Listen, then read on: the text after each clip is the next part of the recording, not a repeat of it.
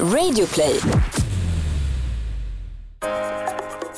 Det här är en podcast om mod och ledarskap som presenteras av Renault Tjänstebilar för att hjälpa dig som ledare att våga mer. Journalisten Kattis Ahlström, som har erfarenhet både som föreläsare och ledare, möter här tio modiga personer som gått sin egen väg.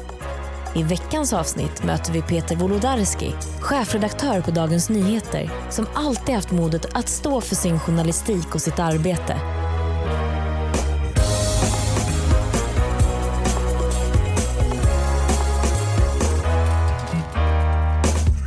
Hej allihop och varmt välkomna till Mod, framtidens ledarskap. Idag har jag glädjen att ha Peter Wolodarski med mig.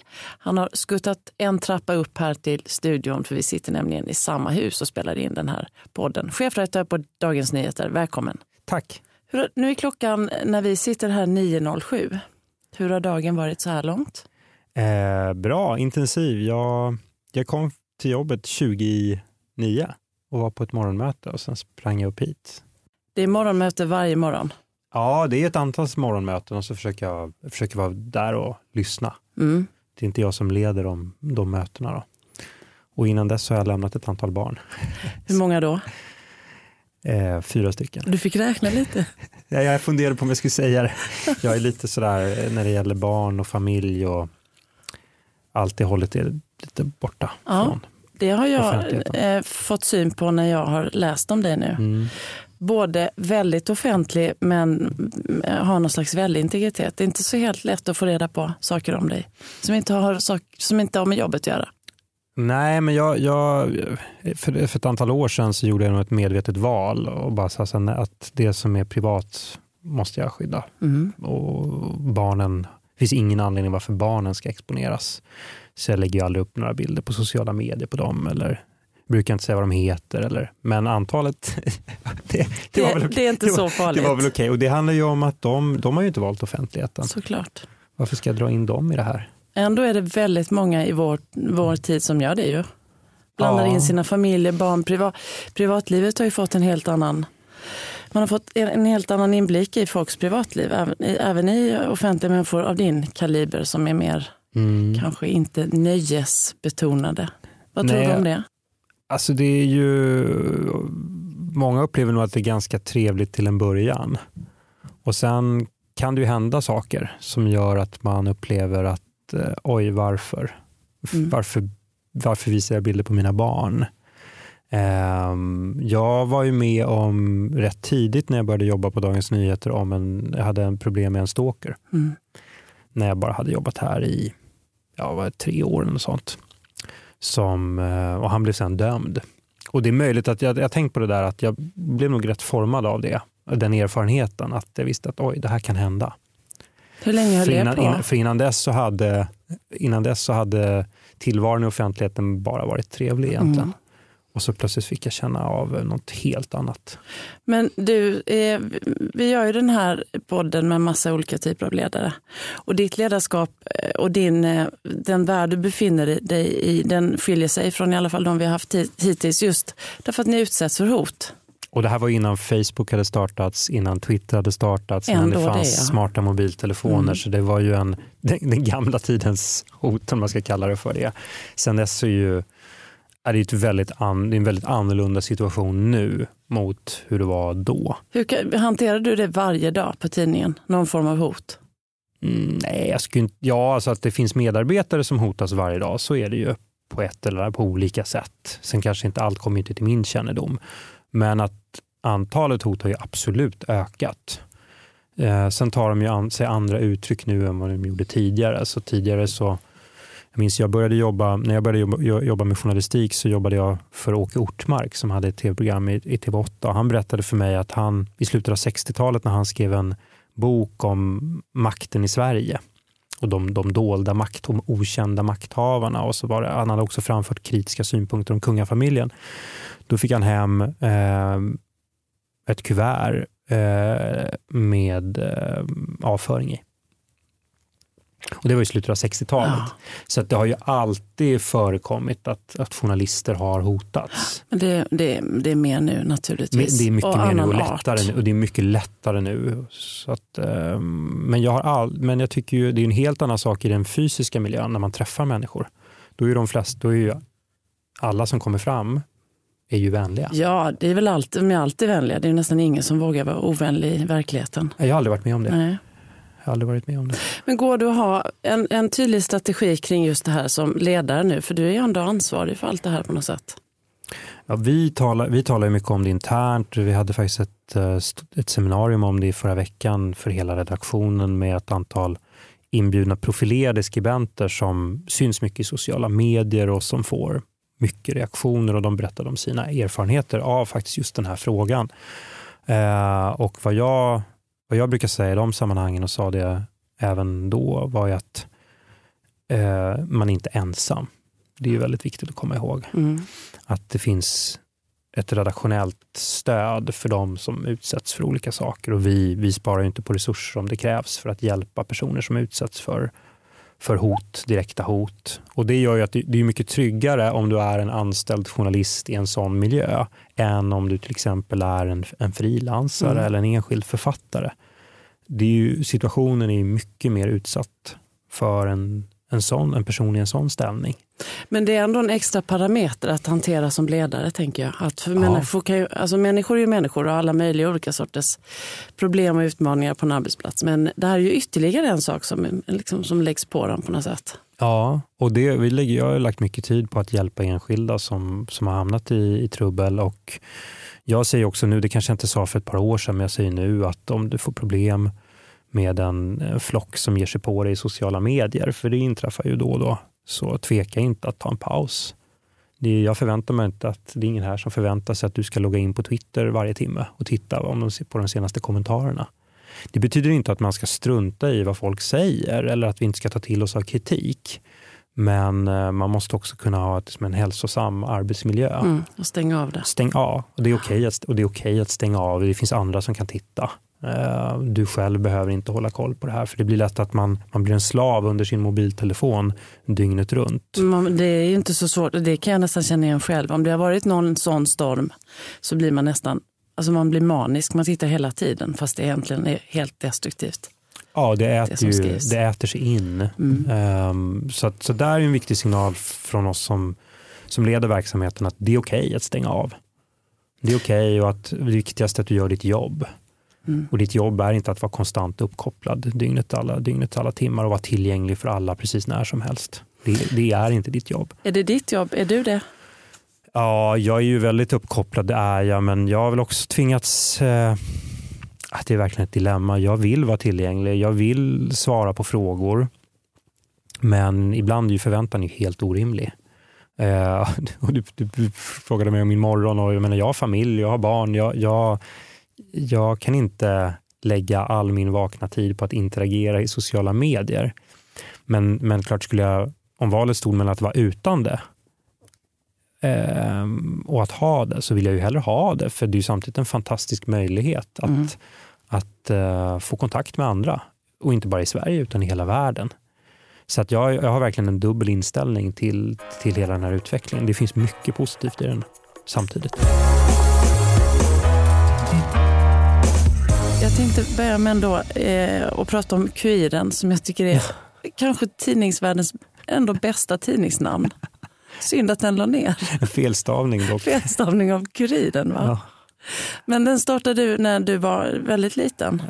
Ja, jag hade precis lärt mig att skriva och läsa där, trean. Eh, så att, ja, tidigt. Hur kom du på sägas. namnet förutom att det blev felstavat? Eh, ja, hur kom jag på det? Det är ju ändå ett, det är ett, inte sånt där Kuriren. namn som kanske så jättemånga små barn vet vad det är ens. Eller vad Nej. är Kuriren ens? Men det, är ganska, jag det finns ju rätt många tidningar som heter någonting med Kuriren. Ja. Så det kanske var, det. ja, jag kanske hade sett i Kalle Anka eller något sånt där. Jag vet faktiskt inte. Det fanns en annan tidning i klassen som hette Citronblaskan. som drevs av en, en klasskompis som nu för övrigt är kommunikationschef på Socialdemokraterna. Är det sant? Ja. Nej. Det är ett. Eh, Det är ett så Men att- alltså, så att- ni var konkurrenter då? Ja, vi var konkurrenter då, så jag, jag startade det här i konkurrens. och stavade fel och jag insåg ju inte att jag stavade fel förrän ganska sent. Och då var det ingen anledning att ändra. Kunde du ana då att du skulle sitta här idag och leda Dagens Nyheter? Jag visste ju att jag var intresserad av journalistik. För det, det har jag ju varit alltså hela, när jag, om jag tänker tillbaka. Så jag var ju en sån som sprang till hallen på morgonen och hämtade tidningen. Varenda morgon. Det Vad var det du ville läsa om? Sport, framförallt. Mm. Det var ju det som, alltså när jag började läsa tidningen i den åldern då, så var det ju sportsidorna. tabellerna. Jag satt och tittade på tabellerna på allsvenskan och elitserien och exakt hur lagen var du lite av en kalenderbit? Ja, ja, ja, definitivt. Så mm. tabeller har jag alltid varit, haft en förkärlek för. Eh, så det började ju där och sen gled det ju över till andra delar av tidningen. Men det var ju inte så att jag satt och läste politiksidorna från början. Eh, eller ledarsidan, det började ju mer sent. Men, utan sporten var min väg in i tidningen. Men, men jag har ju jag var ju, det var ju verkligen ett sug efter att få tag i den där papperstidningen på morgonen. Då hade, vi hade ju inte text-tv ens hemma då. Så att för mig handlade det om att få veta vad som hade hänt. När du fick frågan att bli chefredaktör på Dagens Nyheter, vad var det första du tänkte? Eh, alltså jag vet inte riktigt när jag fick frågan, för det kom inte riktigt på det sättet. Det växte nog mer fram i en diskussion. Så det var inte så här, vill du bli chefredaktör? Och så kommer jag ihåg vad jag tänkte. Utan vi höll nog på och pratade fram och tillbaka under ett par månader och så frågan ställdes inte riktigt rakt ut. Så där. Men jag, fatt, jag förstod nog att det var det som var på väg att hända. Du växte in i det helt enkelt? Ja, det var nog mer så. Men eh, kan du beskriva mottagandet då när det ändå blev offentligt? Det var nog som det har varit tidigare, när jag, även när jag blev chef för ledaravdelningen. Alltså folk är väldigt vänliga när en sån sak blir känd. Alltså det är inte dagen då någon attackerar dig. Nej. det kommer sen. Ja, det kan du vara beredd på. Utan när, när väl en sån sak blir känd så i alla fall det, jag, det man hör själv är ju mer som, ja det är ju som man fyller år, alla är väldigt vänliga. Mm. Eh, men det betyder inte att alla tycker att det är bra. Men det som når fram brukar vara väldigt vänligt. Men du, upplevde du att du, det här är välkommet och de tänker att jag kan axla den här rollen? Du menar på redaktion, ja. på DNs redaktion? Ja. Ja, jag kände ett stöd på DNs redaktion. Det gjorde jag. Det var ju många som kom fram och sa grattis. Men sen finns det alltid olika uppfattningar på en redaktion. Ehm, och sen, nu har det gått fem år sedan dess och många har ju hunnit de vänjer sig ju också. Ja, vänjer sig och, ja, eller bildar sin uppfattning mm, successivt mm. om hur det här fungerar och vad man tycker är bra och vad man inte tycker är bra och, och så. Eh, och jag är ju ganska jag, ju, jag tänker ju ganska långsiktigt ändå i det, de saker jag gör. Jag tänker inte så här, det här ska jag hålla på med i höst och sen är det klart. Utan jag, jag vill ju att det ska bli bra och, mm. och att det, och det måste få ta lite tid. Så att vad, folk, vad människor tycker i början är kanske inte så viktigt för mig, utan jag vill ju att när man kan se något resultat, att, ändå, mm. att det är det som ska... Så du reagerar inte på att, att folk har synpunkter? Jo, det gör jag, men jag låter det kanske inte påverka så mycket. Jag blir inte så nedslagen av det, utan jag känner att jag måste få visa vad jag kan göra. Hur är det att leda journalister, tycker du? Roligt och svårt. Vad är det svåra? Eh, nej men det är, journalister är, eh, vilket är viktigt, väldigt självständiga personer. Eh, de är inte så lätta att styra och ska inte vara så lätta att styra. Det ligger lite grann i yrket. Att du, särskilt i nyhetsjournalistiken där du granskar makthavare så vill nog att det, det, det är bra att det är väldigt starka individer. Men starka individer är inte så lätta då att, att leda. Du, om jag säger att du ska göra så här så kommer det eh, ofta att ifrågasättas. hur vilket gör man är bra. Då? Ja, bra, men det kan ju också vara som mm. du påpekar svårt. Men jag tycker, jag, det, och det ligger lite i den personen som jag är. Jag tycker ju mycket om diskussionen och även hårda diskussioner. Så att, eh, jag har inte så mycket problem med det där ifrågasättandet utan det, jag blir sporrad av det. Men nu vet du vem som ska bestämma i slutändan.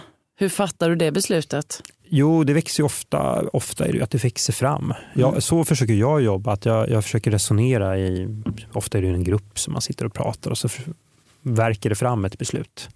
Sen, jag kan ju ha en stark uppfattning, men jag föredrar egentligen att, att man kan enas. Det kan bli ett, lätt en, ett misslyckande om man sitter i en, en grupp och så är det, liksom, halva gruppen tycker att det här är fel. Det är ju ett tecken på någonting. Om halva gruppen tycker att det här, det här ska vi inte göra, då ska man förmodligen inte göra det heller. Så att det, jag jobbar ganska mycket, försöker jobba ganska mycket genom konsensus. Mm. Men du har ju själv en star starka åsikter, du är journalist, du har eget, mm. egen agenda såklart. Mm. Hur blir det för dig? Att, för du, får du då kompromissa ibland, upplever du det? Alltså med hela, dina egna hela, åsikter. Hela Men är inte det svårt om du själv har, har en övertygelse? Jo, men om jag känner att tidningens allmänna inriktning är den rätta så har jag inga problem med att man i olika sakfrågor kan göra på ett sätt som jag kanske inte skulle vilja. Men om jag känner väldigt starkt om någonting, då är det klart att då, då får jag ju försöka stå på mig och, och vinna eh, och vinna de andras, eh, vinna över dem med argument. Och i värsta fall måste jag kanske köra över. Då. Men det händer ytterst, alltså jag, jag, det händer nästan aldrig. Vad samlar du för folk omkring dig i din närhet? Liksom? Vilken typ är viktigt för att du ska kunna göra det här arbetet? Nej, men det är viktigt att ha personer som man kan resonera med uh, och som inte bara håller med.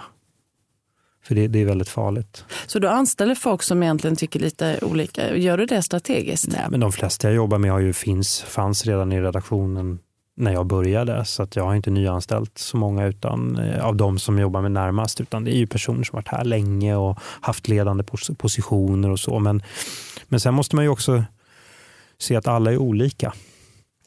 Och att eh, det, det, det finns ingen poäng att försöka göra att alla ledarskap ska se ut på samma sätt. Så det, ehm, det är bra att ha, det är viktigt att ha en, en ganska blandad grupp olika personlighetstyper, lite olika bakgrunder och man kan åstadkomma det också, lite olika perspektiv på saker. Men det här med eh, att diskutera sig fram till saker, ibland hårda mm. diskussioner och skilja det från konflikt. Jag tänker mig att många ledare tycker att det är svårt med, eller många människor överhuvudtaget tycker att det är svårt med konflikter. Mm. Diskussioner kan ju vara nyttigt på många arbetsplatser som kanske inte riktigt blir till just därför att man har svårt att skilja på sak och person mm. och det mm. blir som en konflikt istället för en, en bra och en vettig diskussion som leder fram till något. Har du något tips där kring hur man kan skapa diskussion och debatt utan att det för den saken skulle bli en konflikt?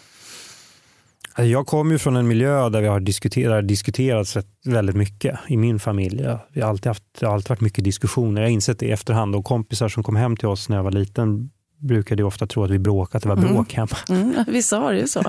Fast det var ju inte bråk. Nej. Ja, det kunde vara bråk också, men, men det var mer att diskussionerna, det var diskussioner. Så att jag är ju formad och präglad, jag har insett det, att jag är ju formad och präglad i en sån, i en sån kultur mm. där det är viktigt. Så för mig, så jag har kanske inte reflekterat så mycket kring hur man gör, utan jag bara gör. Men jag har väl med åren kanske blivit lite mera insett att jag det är också viktigt att, att inte bara höra sig själv, utan också lyssna på andra. Det, det är ju något som jag hela tiden kämpar med. Det finns en risk att jag tar för mycket plats helt enkelt. Och att andra synpunkter då inte kommer fram. Mm. Eftersom jag är, jag är van att uttrycka mig och har inte problem alls med det och hittar ofta, jag, jag, jag, med den bakgrunden som jag har i journalistiken, med, när jag var ledarskribent så tog man ju an massa olika ämnen. Så att jag hoppar ju mellan, hoppar ju mellan olika frågor och har ganska lätt att göra det. Mm. Och det där, Svårt att hänga med i för andra kanske? Nej, men man ska tänka på det att, att, uh, att låta liksom, olika röster få komma, att fördela ordet, att lyssna på men andra. Fördela ordet är en, mm. men en sak, men, men har du, kan du se att du själv kan hjälpa till med att just försöka få sånt klimat? Att här kan man prata om saker utan att det jag, blir... jag säger det ofta, men en sak säga det, en annan sak är kan man skapa det. Uh, men jag, jag tycker det är viktigt. Funderar du mycket på ledarskap och din ledarroll? Mm, jo, det gör jag.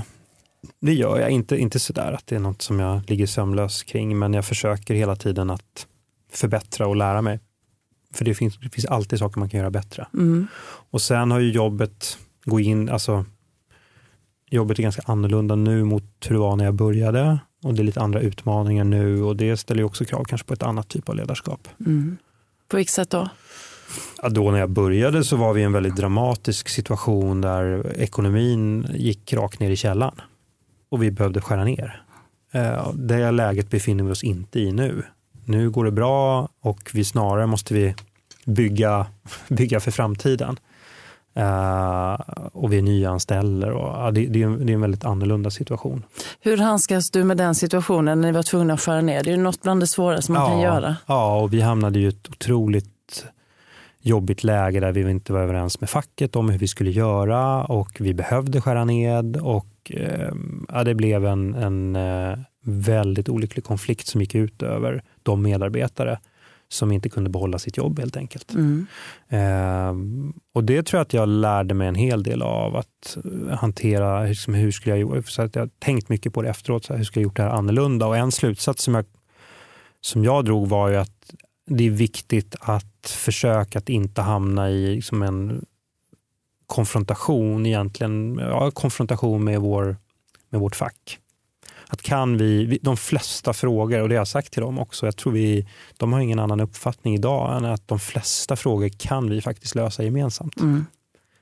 Kommunikation helt enkelt. Ja, och det är ju mitt ansvar lika mycket som egentligen huvudansvaret ligger ju på oss som leder verksamheten. Att om, om, vi ham, om, om de inte har någon som helst förståelse för vad vi gör, ja, då har vi förmodligen inte riktigt lyckats. Eh, så det har jag, jobbat, det har jag jobbat väldigt mycket på, att, att ha en bättre relation med dem och att försöka lösa de flesta frågor ihop. Och det gör vi, nu ska jag säga att nu gör vi det, men vi har inte haft några neddragningar. Så det är lättare, när, det är ju lättare att ha en sån, ett sånt samarbete när det går bra. Mm. Såklart. I medvind. Men då undrar jag lite, var får du din, din inspiration ifrån? Du, eh. för det, det, man uppfattar och det jag har hört och det lilla jag har läst om dig, ja. det är ju ändå att du som du tyckte om Povel Ramel typ när du var två år. Kunde citera Nej, inte två år. Nej då. Nej. Men du har ju ändå du har ju ett, ett uppenbart ett, ett rörligt intellekt och eh, inspirerad. Var får din, din inspiration ifrån? Jag läser mycket och sociala medier inte minst har hjälpt till att hålla sig uppdaterad från olika delar av världen. Twitter som har fått rätt dåligt rykte i Sverige nu är ett väldigt bra medium för att hämta inspiration utifrån. Men sen reser jag ju en del. Man måste komma ut mm. och träffa andra och så. Så att jag var, nu var jag senast på, i Oxford i, i april och jag var i London månaden innan. Och, alltså, varje månad brukar det vara någonstans. Man åker och träffar andra. Vilka andra? Det kan vara allt ifrån andra personer i mediebranschen till personer som sysslar med helt andra saker. Politiker eller eh, personer inom kultur. Eller, ja, alltså man vet aldrig var man kan hämta inspiration ifrån. Det handlar egentligen bara om att se vad det är som pågår. Hur viktigt tycker du att det är överhuvudtaget om man, om man leder människor? Viktigt. Jag, jag, jag hade en väldig glädje av när jag var ganska ny som chef här så träffade jag på en gammal industriledare, svensk industriledare som heter Björn Wahlström som gick bort här om året, som är från Luleå och som har lett stora verksamheter. Och han sa, det till mig, han sa till mig direkt att eh, du har sett för lite av Sverige. Så. Mm. Och så drog han med mig på ett antal, vi reste ganska mycket runt i Sverige i Bergslagen och uppe i Kiruna och tittade på gruvor. Och då kan man ju tycka så här, varför åker en chefredaktör upp och åker ner i gruvan i Kiruna? Eller åker ut i, och tittar på skogsnäringen i Bergslagen. Men faktum var att jag hade ju en otrolig glädje av de där resorna att bara se andra miljöer som inte är de typiska. Och, och det väcker ju alltid nya tankar och idéer. Man får idéer. Säkert bra för andra ledare med, inte bara för journalister. Nej, men i journalistiken inte minst så är det ju väldigt viktigt att mm. se olika verkligheter. Mm. Eh, så det var jag otroligt tacksam till att han drog med mig på de här resorna. Eh, och det har jag försökt att fortsätta att odla, att åka till lite så platser som kanske inte andra åker till. Mm. Så man tycker så här, varför, varför åker du till Avesta nu då? jo, men det är rätt bra. Och om du skulle säga, de, om du skulle säga tre saker som gör att du är en bra ledare. Vad är dina bästa ledartips? Om man ska leda en verksamhet som säg Dagens Nyheter till exempel, så tror jag, särskilt i den här tiden, så tror jag att det är väldigt viktigt att man har en, en, en uppfattning om vart, vart vi är på väg och vart vi, vart vi ska. Vad ska tidningen vara? Mm. Och har man inte det så blir det svårt. Ehm, då, och det vi var lite Långsiktigt grann, då, tänker du? Ja, så positionen. Så, så vad är det vi ska stå för? Vad är det vi ska vara? Och att, Och att kunna kommunicera det till alla. Mm. Eh, därför det blir väldigt svårt för alla som är i, befinner sig i organisationen att göra sitt jobb om de känner att det är otydligt vad vi håller på med. Mm. Då, finns det inte, då kommer det inte finnas en förståelse för de beslut som fattas heller. Men om alla känner att strategin och riktningen är enkel och tydlig och klar, man behöver inte hålla med om det, men, så, men det blir mycket lättare att göra saker i sitt jobb mm. som gör att man kan uppfylla och nå målet. Och mer då? Hur ska folk trivas i övrigt? Det är eh, meningsfulla arbetsuppgifter, att man kan påverka i, sin, i sitt jobb. Och då handlar det mycket om, och det har jag kämpat med en hel del de senaste åren, är att försöka trycka ner beslut så nära enskilda medarbetare som möjligt. Alltså att det inte ska vara så hierarkiskt. Eh, och det är lättare sagt än gjort. Och när jag började så var vi i ett läge där jag behövde lägga mig i betydligt mycket mer än vad jag gör nu i, vad vi, i det vi gjorde. För att jag kände att vi var lite på drift och jag ville styra om eh, tidningen i en lite annan riktning. Mot, mer mot kvalitetsjournalistik. Ehm, men, men när riktningen är klar och, och, vi rör oss åt rätt håll, och det känner jag nu att vi, vi är där, då är det en enorm fördel om, om beslutsfattandet inte behöver vara så hierarkiskt. Så att det inte är så personberoende. Utan, och då tror jag man känner, är jag helt övertygad om, man känner arbets, större arbetsglädje och delaktighet och man kan påverka. Och det här med, vad är din bild av slutligen om att folk ändå på många arbetsplatser är helt utmattade och går in i väggen och att vi har en stor psykisk ohälsa. Mm. Folk mår inget bra. Vi pratar mycket om det hos oss och ett, ett skäl till att vi har höga stressnivåer, vi ser det och vi som vi jobbar mycket med har, har att göra med att det är otydlighet i organisation också. Ehm, vem bestämmer vad och när och hur och hur kommunicerar vi internt och, så vi, vi gör ett stort arbete nu med att försöka skapa tydliga, en, en större tydlighet i organisationen, klarare mandat. För allt det här hänger ihop. Mm. Om man inte känner att man kan påverka sin egen arbetssituation, då blir man stressad. Väldigt stressad. Och stress behöver inte vara negativt, men den typen av stress är, det blir ju, ja, den är skadligt. Ja.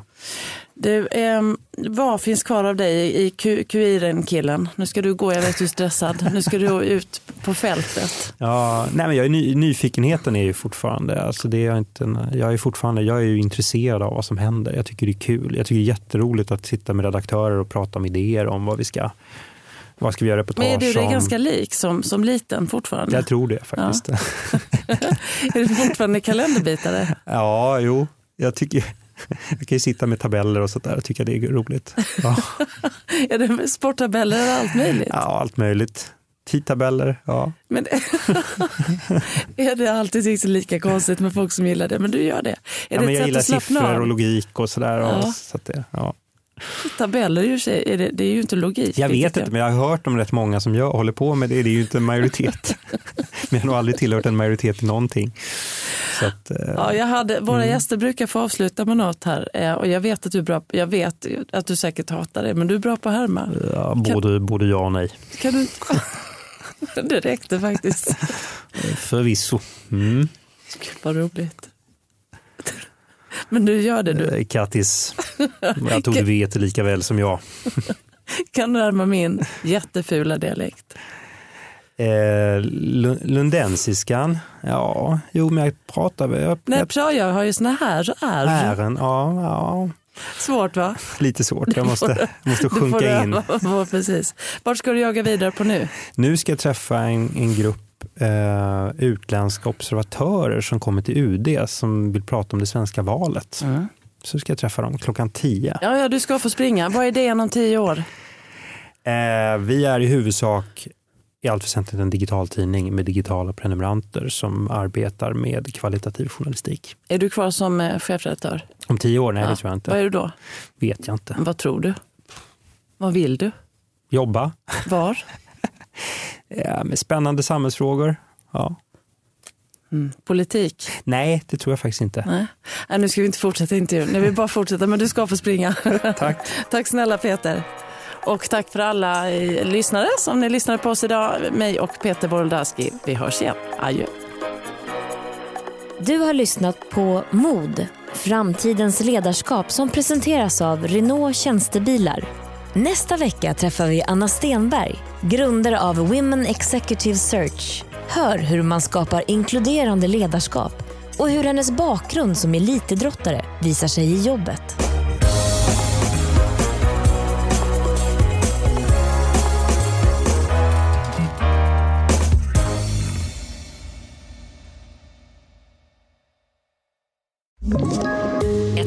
Poddtips från Podplay. I podden Något Kaiko garanterar östgötarna Brutti och jag, Davva, dig en stor dos skratt. Där följer jag pladask för köttätandet igen. Man är lite som en jävla vampyr. Man har fått lite blodsmak och då måste man ha mer. Udda spaningar, fängslande anekdoter och en och annan arg rant. Jag måste ha mitt kaffe på morgonen för annars är jag ingen trevlig människa. Då är du ingen trevlig människa, punkt. Något Kaiko, hör du på Podplay. Därför är gardinerna.